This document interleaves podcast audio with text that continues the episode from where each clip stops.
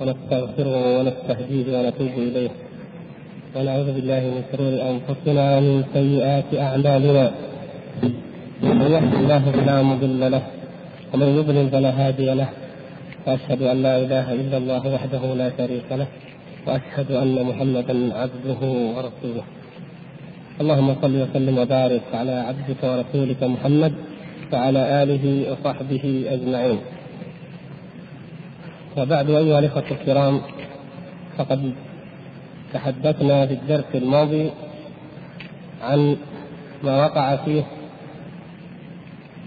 القدرية الضلال من تسويتهم بين الإرادة الشرعية والإرادة الكونية وزعمهم أن الله تبارك وتعالى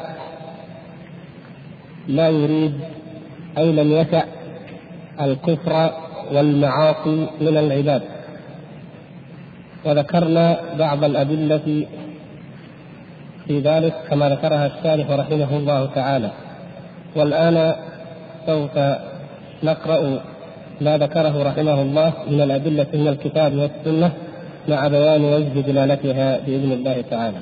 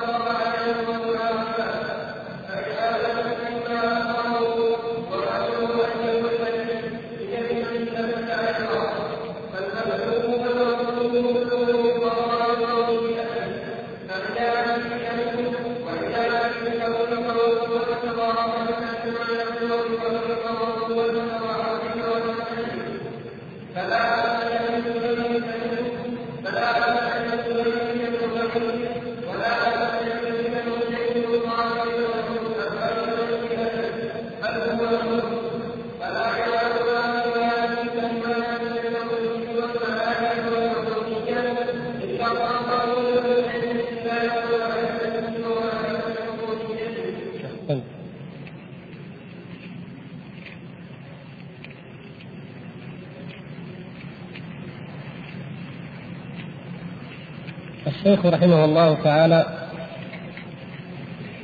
شرع في ذكر الأدلة من الكتاب والسنة بعد أن ذكر مذهب القدرية وأتى بتلك الوقائع الدالة على تهافت مذهبهم وتناقضه حين أخرجوا المعاصي والكفر وما يكرهه الله تبارك وتعالى عن إرادة الله ومشيئته ظانين أن في ذلك تنزيها لله تبارك وتعالى عن نسبة الشر إليه أو أن يكون هو الذي يريد أو يظلم بأن يريد تلك المعاصي ثم يعاقب عليها فيكون ذلك ظلما بزعمه. والآن يذكر رحمه الله الأدلة من الكتاب والسنة الدالة على ما أشار إليه من مذهب أهل السنة والجماعة. وهو كما قال الذي عليه أهل السنة والجماعة أن كل شيء بقضاء الله وقدره وأن الله خالق العباد وخالق أفعال العباد. يقول أما الأدلة من الكتاب والسنة فقد قال تعالى ولو شئنا لآتينا كل نفس هداها ولكن حق القول مني لأملأن جهنم من الجنة والناس أجمعين. نلاحظ هذه الآية وكذلك ما ذكره بعدها وما تشاءون إلا أن يشاء الله إن الله كان عليما حكيما. هذه الآية الآية الأولى في سورة ماذا؟ السجدة والثانية في سورة الإنسان أو الدهر. ما الذي يمكن أن نلاحظه؟ في هاتين الآيتين أو هاتين السورتين سورة السجدة وسورة الإنسان الدهر. هل أتى على الإنسان حين من الدهر؟ لم يكن شيئا مذكورا. بأي شيء يذكرنا هذا؟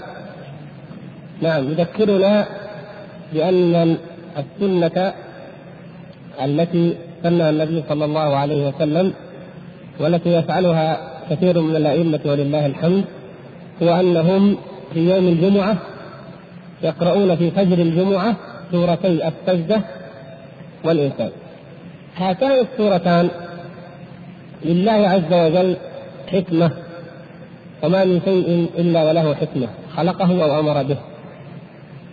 فهناك حكمة في حدود علمنا علمناها وكم من الحكم لا نعلم.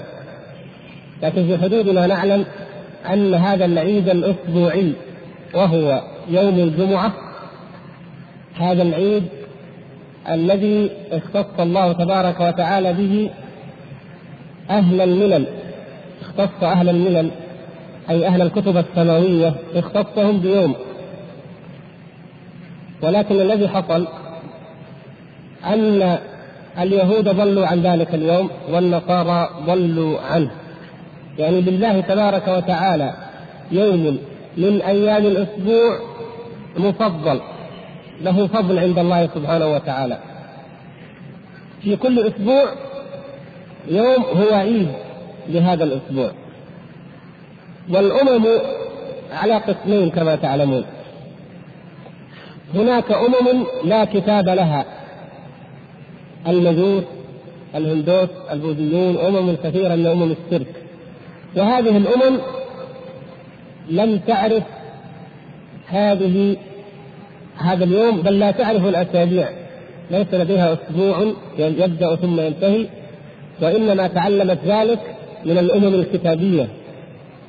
فالمشركون الذين ينقطعون عن الاتصال بالعالم بالأمم الكتابية من المسلمين أو اليهود أو النصارى لا يعرفون ذلك لأن هذا الأمر كون الشمس هذه تطلع وتغيب كل يوم بحركة منتظمة رتيبة فكون هذه الحركة ترتبط بأسابيع معينة هذه ليست مما يدركه الإنسان بمجرد أن يتعارف عليه الناس وإنما هذا أمر قدره الله سبحانه وتعالى منذ أن خلق الكون وتسير عليه حياة الناس بقدر ما يعرفون من الوحي الأمم التي لديها وحي تعلم بهذه الحركة لكن الأمم الجاهلية جهلا مطلقا وهي الأمم الشركية.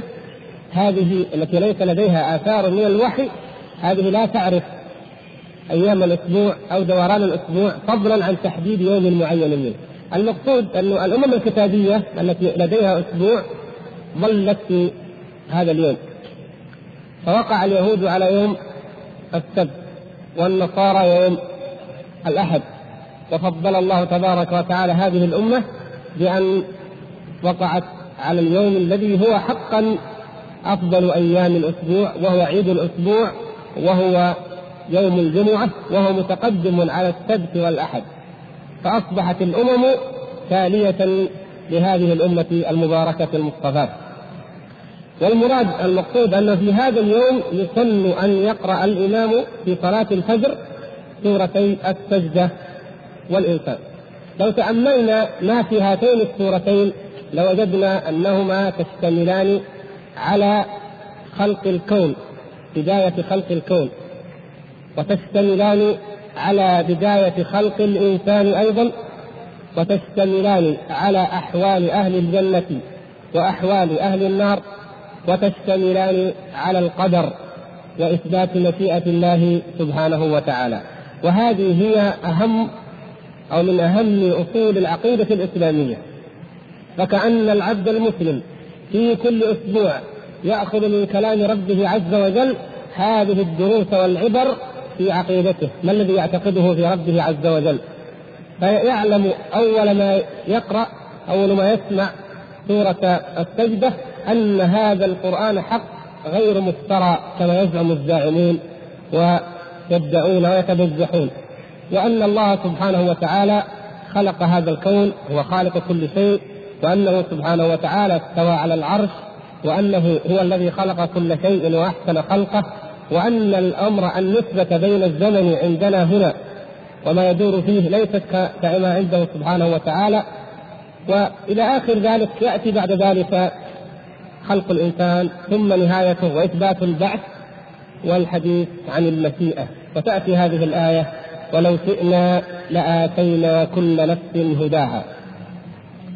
في سورة السجدة ولو شئنا لآتينا كل نفس هداها وفي سورة الإنسان يعني الإمام في الركعة الثانية يبدأ يبتدئ فيقرأ سورة الإنسان فيبتدئ هل أتى على الإنسان حين من الدهر لم يكن شيئا مذكورا وهنالك الذي أحسن كل شيء خلقه وبدأ خلق الإنسان من طين. هذه فترة كونه فترة كونه طينا هي التي لم يكن فيها شيئا مذكورا حتى سواه ونفخ فيه من روحه بعد أربعين سنة. هناك في الإنسان يقول إنا هديناه السبيل إما شاكرا وإما كفورا. ولما قد سمعناه في السجدة يقول ولو شئنا لآتينا كل نفس هداها إذا كيف نفرق أو كيف هل بين الآيتين شيء من التعارض؟ قد يبدو شيء في الظاهر. هنا ولو شئنا لآتينا كل نفس هداها. الله سبحانه وتعالى خلق هذا الإنسان وجعله مبتلا مكلفا مختارا ذا إرادة. فإن شاء اختار طريق الحق وإن شاء اختار طريق الضلال والغي.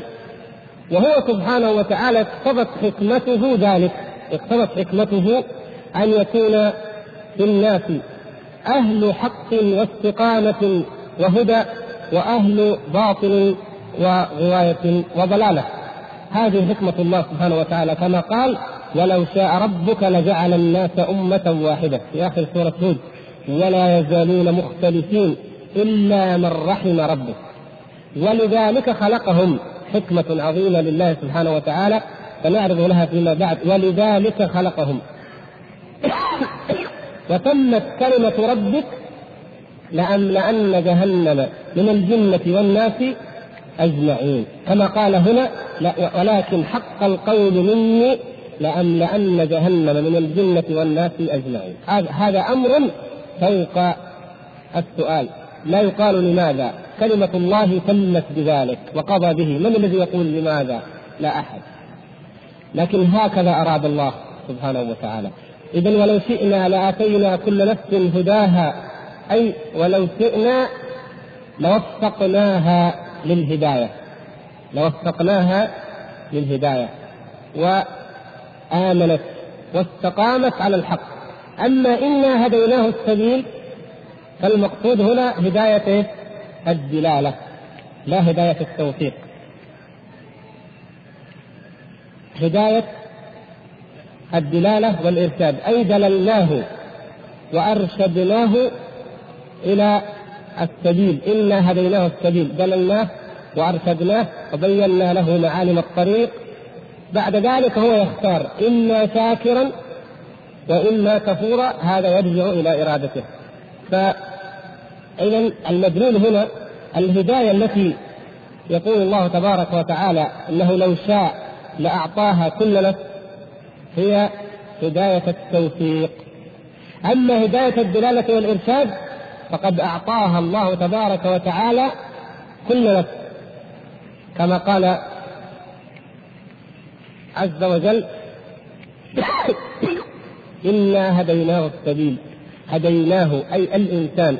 الإنسان الذي هو جنس الإنسان. ال هنا للجنس؟ ال جنس الإنسان عموما مهدي إلى السبيل. لكن قد يشكر وقد يكفر. أما الذين آتاهم الله تبارك وتعالى الهداية التي هي هداية التوفيق فهم المؤمنون الذين آمنوا بالله سبحانه وتعالى. فهنا ولو شئنا لآتينا كل نفس هداها أي نحن الأمر كله راجع إلى مشيئتنا. فلو شئنا لكان الناس أمة واحدة على الهدى وعلى الحق. ولكن حق القول مني. اذا هذا من مشيئه الله ومن أمر الله الكوني. حق القول مني كما قال لك وتمت كلمة ربك. هذه الكلمات هي الكلمات الكونية وليست الكلمات الشرعية. القرآن هذا كلام الله عز وجل هو دينه كلماته الدينية وآياته المتلوة. أما كلماته الكونية فهي أوامره التي خلق بها الأشياء. كقوله عز وجل كن فيكون. فكلمة الله عز وجل الكونية تمت أنه يملأ جهنم من الجنة والناس أجمعين. كما قال هنا لأملأن جهنم من الجنة والناس أجمعين. فلا بد أن يكون الناس إذا فريقين. فريق في الجنة وفريق في السعير وذلك بما كتبه الله عز وجل. وبما تمت به الكلمة فهو فوق السؤال وفوق النقاش فلا يقال في ذلك لماذا. لا يسأل عما يفعل وهم يسألون. وقال تعالى في سورة يونس ولو شاء ربك لآمن من في الأرض كلهم جميعا أفأنت تكره الناس حتى يكونوا مؤمنين؟ أيضا في ذلك ما يثبت أن الله سبحانه وتعالى لو شاء لآمن الناس كلهم جميعا. فمن كفر فإنما كفر بمشيئة الله ومن آمن فإنما آمن بمشيئة الله. هذا وجه الدلالة أي أنه هو الذي شاء أن يكفر الكافر وإلا لو شاء لآمن الناس جميعا ولكانوا أمة واحدة على الإيمان. ولا إشكال في الجزء الأول من الآية لكن قوله تعالى أفأنت تكره الناس حتى يكونوا مؤمنين؟ هذه الجملة أيها الإخوان موضعها هنا واضح إذا فهمنا مدلول الآية كلها. ولكن نجد أن كثيرا من الناس من المهزومين أو من المخدوعين يقتطعون هذا الجزء من الآية اقتطاعا ويضعونه في غير موضعه ويقولون إن هذا الدين دين دعوة فقط. لا جهاد فيه ولا قتال فيه وإنما يدعو الناس إلى أن يؤمنوا به بطواعيتهم وباختيارهم. ثم يقولون الله تعالى يقول أفأنت تكره الناس حتى يكونوا مؤمنين؟ ويقول لا إكراه في الدين قد تبين الرشد من الغي. فإذا ليس في الإسلام قتال من أجل الدين ولا جهاد.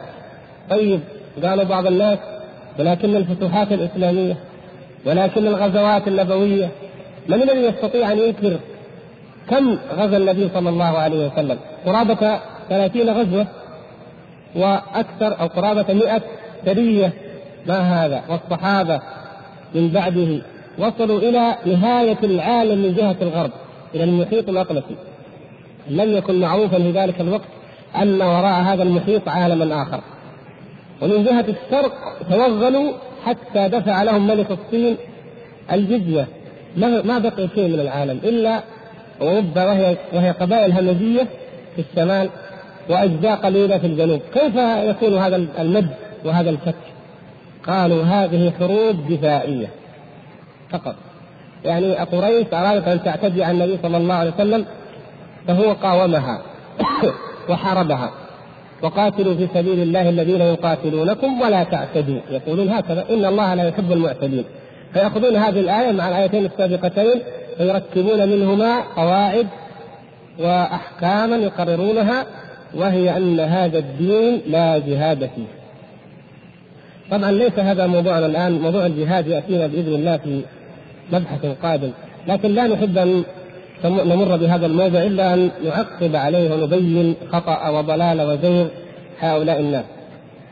فإن هذه الآية كما تعلمون الله سبحانه وتعالى يقول ولو شاء ربك لآمن من في الأرض كلهم جميعا فهو عز وجل قد كتب أزلا وكونا وقدر أن أناسا سيموتون على الكفر وسيكونون كفارا وستمتلئ منهم جهنم.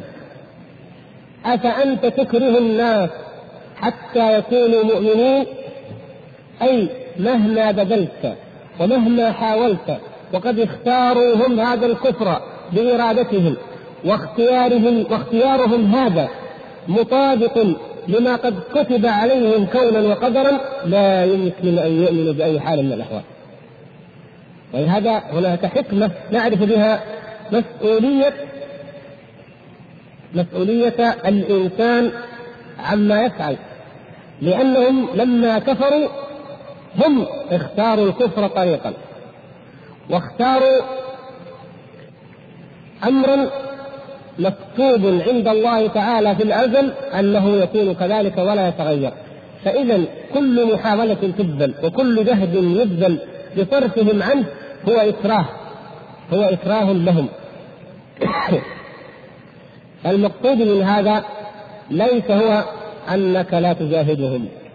لا يعني حتى وإن جاهدتهم لن يؤمنوا إن دعوتهم سرا أو جهرا بالحكمة أو بالسيف لن يؤمنوا لأنك لن لا تستطيع أن تكره الناس حتى يكونوا مؤمنين فقد اختاروا ذلك اختيارا كتب في الأزل. إذا لا خيار بالنسبة لهم لن يرجعوا عن ذلك ولا يمكن واقعا أن يتحول الناس إلى أمة واحدة. الله سبحانه وتعالى هكذا اقتضت حكمته وتمت بذلك كلمته أن يكونوا أمة خير وأمة ضلال. لا يمكن أن يكونوا أمة واحدة. بل من حكمته عز وجل أنه جعل لكل نبي عدو من المجرمين. فإذا لا تستغرب أيها النبي أن يكون لك أعداء وأن يكون لك كفار كفار بك وتحرص على هدايتهم ومع ذلك لن يهتدوا ابدا بل أنت عندما تحاول ذلك لن, لن تستطيع لأنك كأنما تكره تحاول أن تكرههم على أمر لا يمكن أن يفعلوه. الموضوع لا علاقة له بمسألة أنك تجاهدهم أو لا تجاهدهم ابدا أمر خارج عن ذلك أمر الآية تتحدث عن أوامر كونية أزلية وليس عن أوامر أو عن أحكام شرعية تعبدية. فحتى مع الجهاد وهو مشروع بلا ريب لكي يدخلوا في الدين لن يؤمن إلا من كتب الله تبارك وتعالى له الإيمان. ولن تستطيع حتى وإن عرضت رقبته على السيف أن تكرهه ليدخل الإيمان في قلبه. لأن الإيمان إرادة ينبع عن الإرادة وعن الاختيار. لكن أنت يجب عليك أن تقاتل. يا أيها النبي جاهد الكفار والمنافقين. جاهدهم.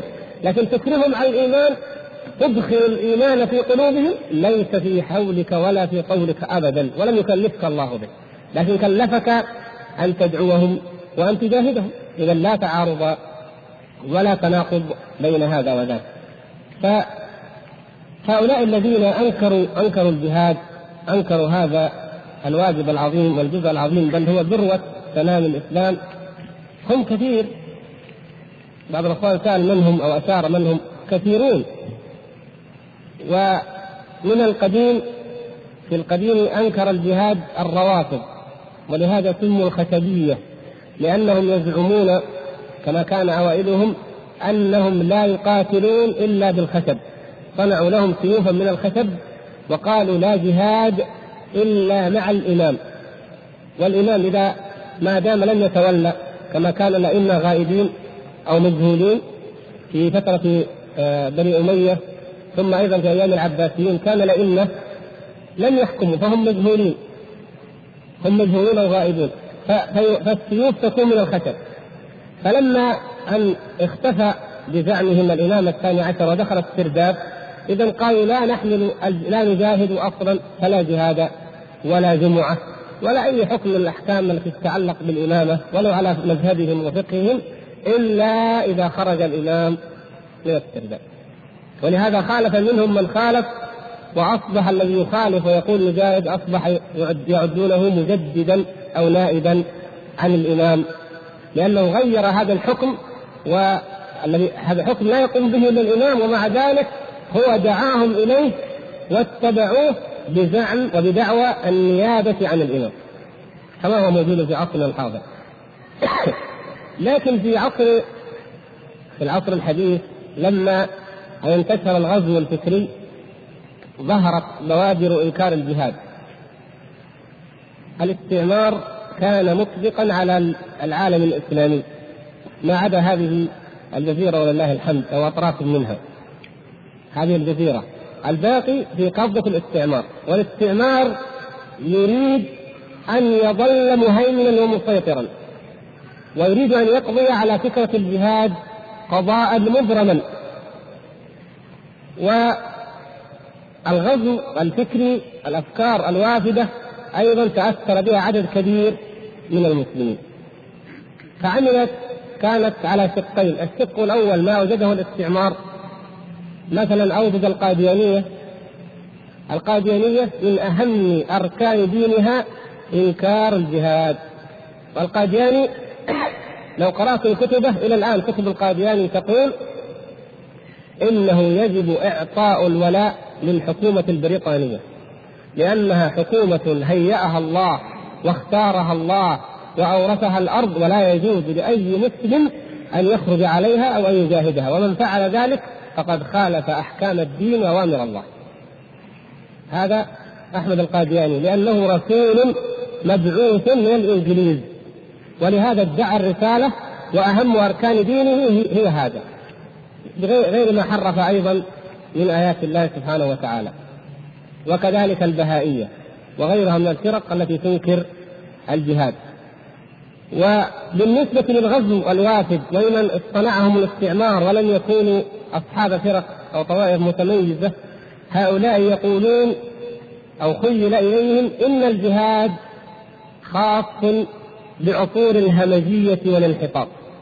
يقولون الإنسانية لما كانت في عصور الهمجية والانحطاط في المرحلة التي أشار إليها المحللون المفكرون الغربيون ومنهم كونت صاحب المدرسة الوضعية وغيره يقولون إن الإنسانية مرت بثلاث مراحل. مرحلة الخرافة والسحر والكهانة المرحلة الثانية مرحلة الدين والمرحلة الثالثة مرحلة العلم. مرحلة العلم ومرحلة الدولة الحديثة التي ظهرت ابتداء من قيام الثورة الفرنسية يقولون انتهى الأمر. بعد أن ظهرت الثورة الفرنسية ابتدأ العصر الحديث وأصبحت أعلنت الثورة الفرنسية مساواة الناس في الحقوق والواجبات. وبذلك فليس هنالك من مجال لأن يقاتل لأن يقتل الإنسان أخاه الإنسان كما يقولون.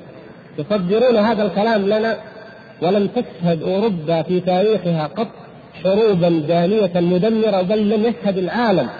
حروبا دامية مدمرة مثل الحروب التي دارت في أوروبا منذ الثورة الفرنسية إلى الآن. نابليون وحروبه حرب السبعين الحرب المشهورة بين الإنجليز وال... والفرنسيين. الحروب بين ألمانيا وفرنسا الحروب بين ألمانيا وإنجلترا الحربان العالميتان. حروب طاحنة. ومع ذلك يقولون لا يقاتل الإنسان أخاه الإنسان. فيقولونها ويصدرونها في العالم الإسلامي. فيقولون إن ميثاق الثورة الفرنسية الذي أصبح بعد ذلك أكثر تطورا بميثاق حقوق الإنسان كفيل بأن يعيش العالم الإنساني أسرة واحدة.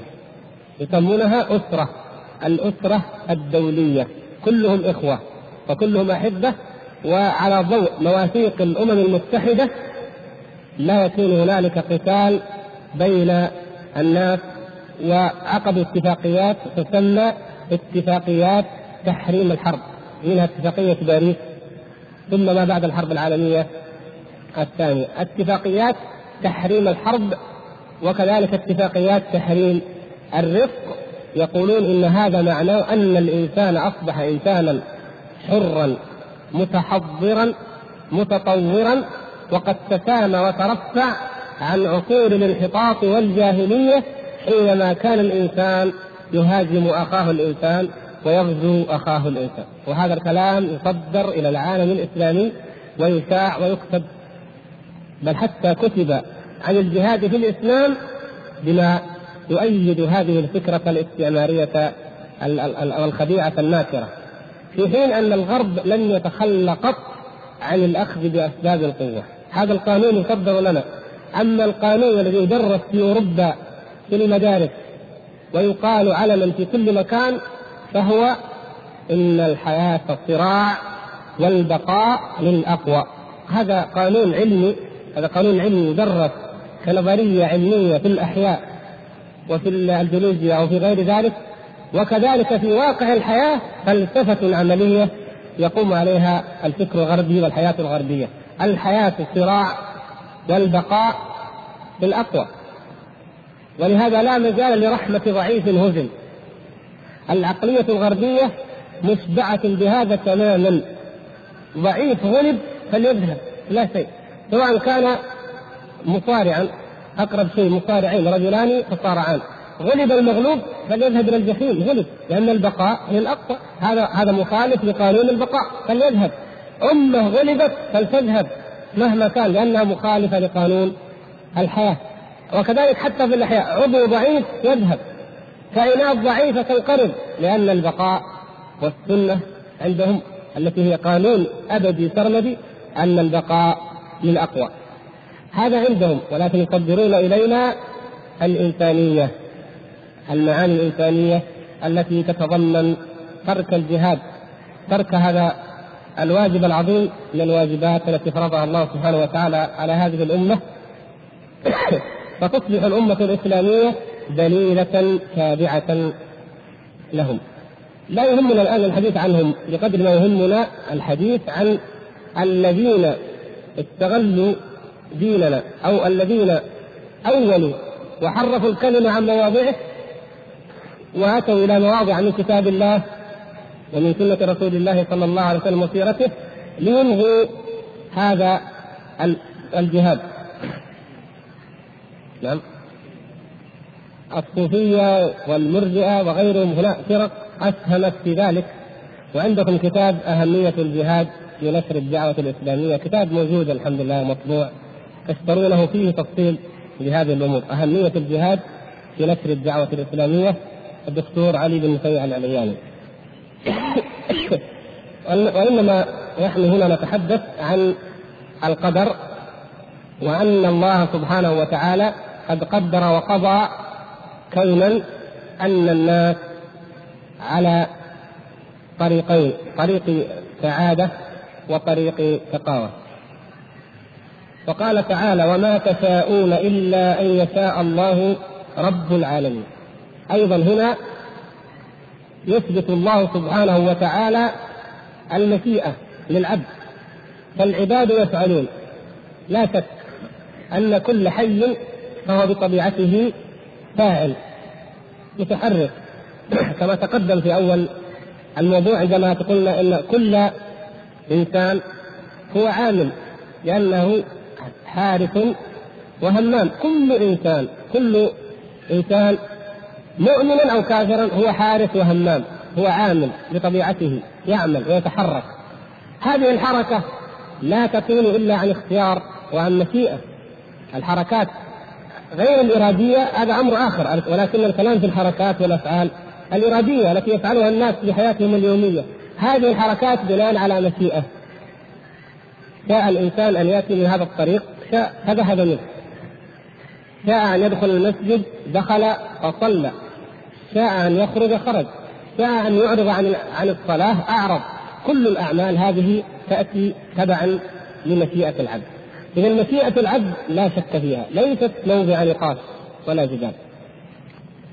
وإنما الذي وقع فيه الرجال في في من القدرية بالذات وتقع فيه الشبهة لدى كثير من الناس الجاهلين بالله عز وجل غير شبهة الجبرية لأن الجبرية أمر خارج عن العقل. كما سوف نبين إن شاء الله. الجبرية ليس لها شبهة في الحقيقة وإنما هي أمر الجبر أمر خارج عن العقل وعن الفطرة كما أنه خارج عن الشرع. أما نفي القدر فله شبهة التبست ووقع فيها حتى من العلماء وحتى من العباد. ولذلك الذي جاء في القرآن وفي السنة وفي كلام العلماء أكثره الرد على أصحاب الشبهات على الجبرية آه، عفوا على القدرية لا على الجبرية لأن تلك ضد العقل أصلا.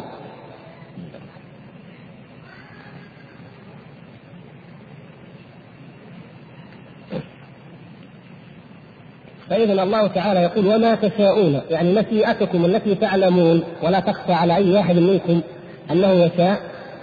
اعلموا وتيقنوا أنها تابعة لمشيئة الله. وما تشاءون إلا أن يشاء الله. رب العالمين. فلستم مستقلين بأعمالكم ولا بإراداتكم. وإنما هي وفق مشيئة الله سبحانه وتعالى. هو الذي ما شاء كان وما لم يشأ لم يكن. كما قال الشاعر فما شئت كان وإن لم أشأ. وما شئت إن لم تشأ لم يكن. المشيئة المطلقة هي لله عز وجل والعبد له مشيئته. لكن قد يشاء العبد أمرا فلا يكون إلا ما شاءه الله سبحانه وتعالى.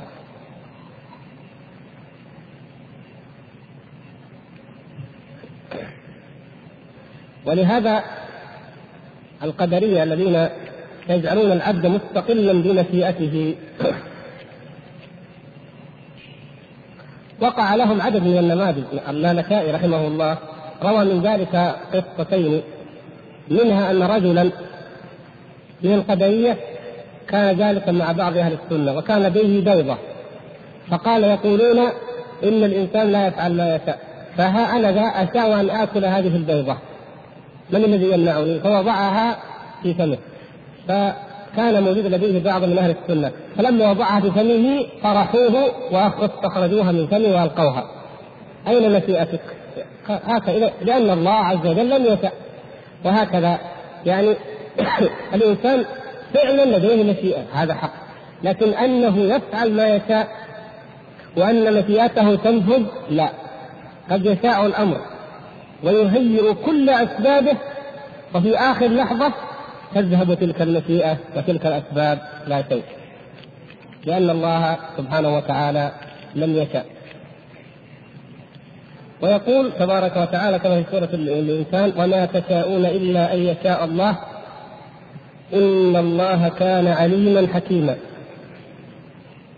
فهذه مثل ما قبلها كما سبق. بعد أن بين في أول السورة إنا هديناه السبيل إما شاكرا وإما كفورا قد يقال إذا أنا اخترت طريق الخير بنفسي مستقلا عن إرادة ربي ومشيئته أو اخترت طريق الشر مستقلا عن مشيئة الله وإرادته بنفسي أيضا فلا لا وما تشاءون إلا أن يشاء الله إن الله كان عليما حكيما. فأول الآية فيه إثبات لمسؤولية الإنسان ولحريته في الاختيار وآخرها فيه إثبات لمشيئة الله الشاملة العامة المطلقة التي لا يحدها ولا يقيدها شيء. وقال تعالى من يشاء الله يضلله ومن يشاء يجعله على صراط مستقيم.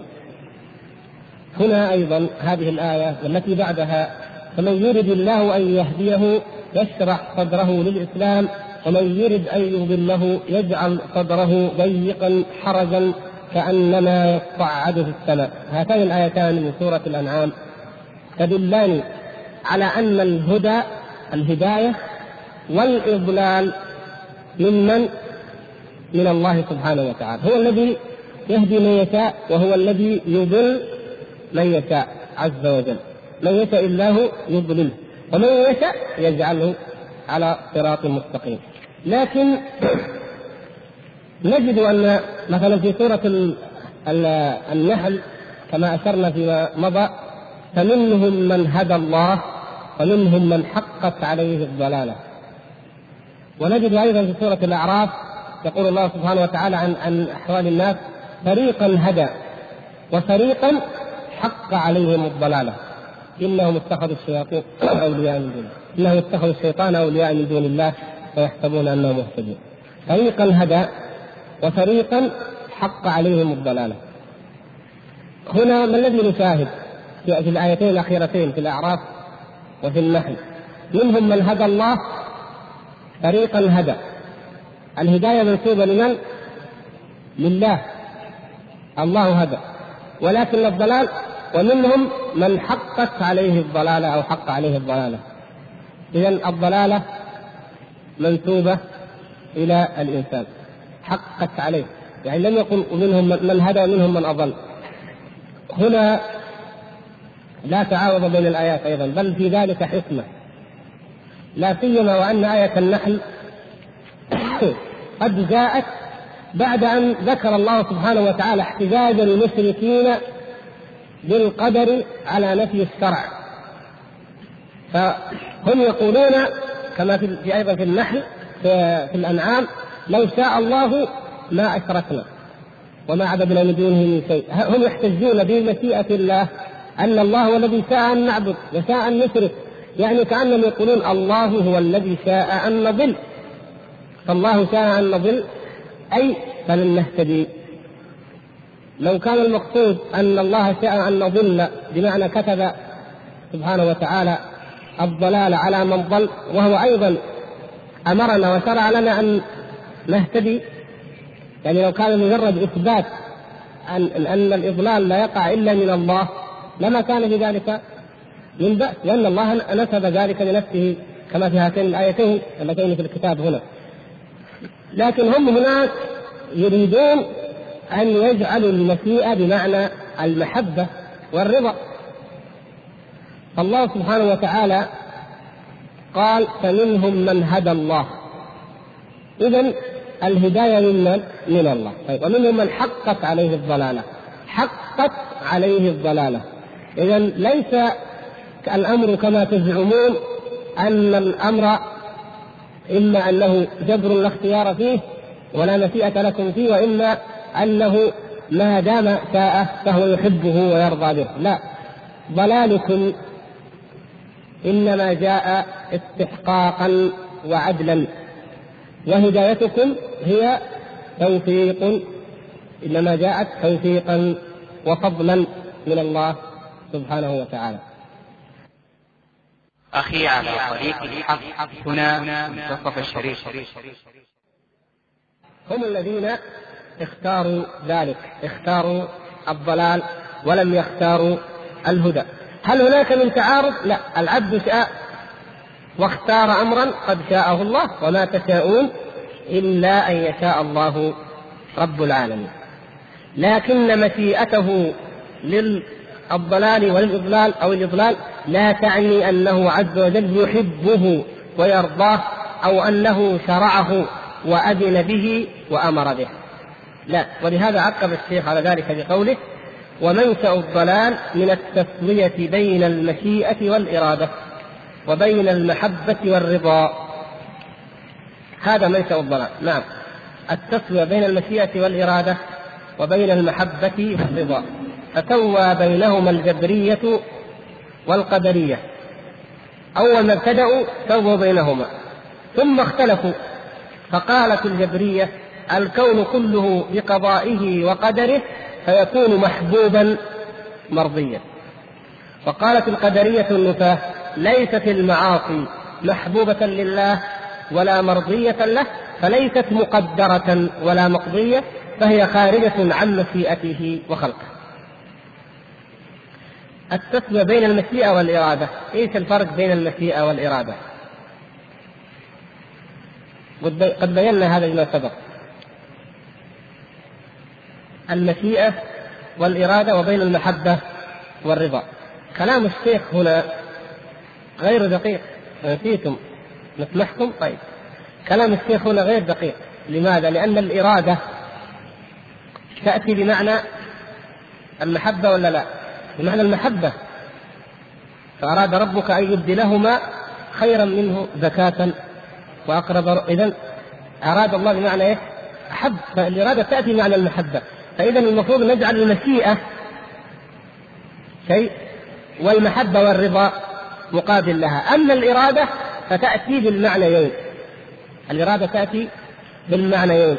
فإذا كانت إرادة كونية فهي بمعنى المشيئة. اكتبوها يا شباب. الإرادة إذا كانت كونية فهي بمعنى المشيئة. وإذا كانت شرعية فهي بمعنى الرضا والمحبة. في الكلمة واحدة. فإذا قلنا أراد الله أن نصلي معنى ذلك إيش؟ شرعه وأحبه ورضيه. هذه إرادة شرعية إذا أراد الله أن لا يصلي فلان. إيش معناه؟ شاء أن لا يصلي فلان.